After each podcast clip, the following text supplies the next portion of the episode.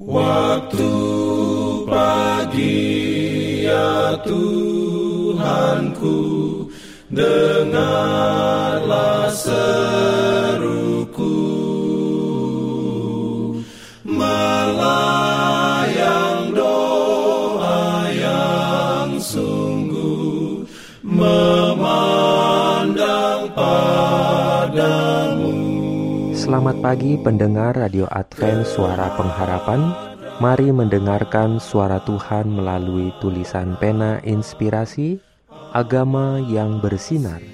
Renungan harian 6 Maret Dengan judul Tuhan menjawab doa saya Ayat inti diambil dari Yohanes 16 ayat 24 Firman Tuhan berbunyi Sampai sekarang kamu belum meminta sesuatu pun dalam namaku.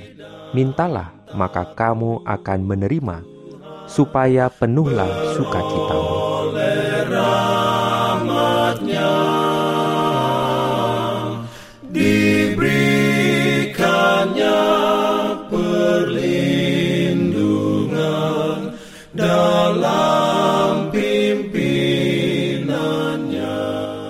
Urayanya sebagai berikut.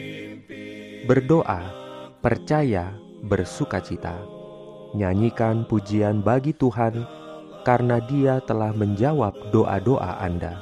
Tuntutlah janjinya, sebab Ia yang menjanjikannya setia. Tidak ada satupun permohonan yang tulus yang hilang. Saluran terbuka, sungai mengalir. Tuhan telah lama menunggu untuk memberikan sukacita terbesar dan paling sejati ke dalam hati. Semua orang yang memandang kepadanya dengan hati yang tidak terbagi, dia akan memberkati dengan sangat. Mereka yang telah memandang kepadanya telah menangkap pandangan yang lebih jelas tentang Yesus sebagai pemikul dosa mereka, korban yang cukup dan telah bersembunyi di celah batu karang untuk melihat anak domba Allah yang menghapus dosa-dosa dunia. Pemberian-pemberian dari Dia yang mempunyai segala kuasa di surga dan dunia disimpan untuk anak-anak Allah. Pemberian-pemberian yang sangat berharga datang kepada kita melalui pengorbanan darah penebus yang mahal. Pemberian-pemberian yang memuaskan idaman hati yang paling dalam, pemberian-pemberian yang tahan selama-lamanya, akan diterima dan dinikmati oleh semua orang yang akan datang kepada Allah sebagai anak-anak kecil. Terimalah janji-janji Allah sebagai milikmu, akuilah itu di hadapannya sebagai kata-katanya sendiri, dan engkau akan menerima sukacita yang sempurna. Amin.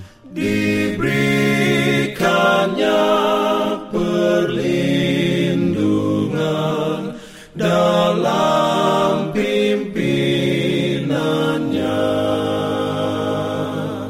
pimpin aku Jangan lupa untuk melanjutkan bacaan Alkitab sedunia. Percayalah kepada nabi-nabinya yang untuk hari ini melanjutkan dari buku Nehemia pasal 4. Selamat beraktivitas hari ini.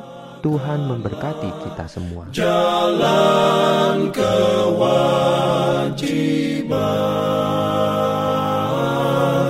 jalan keselamatan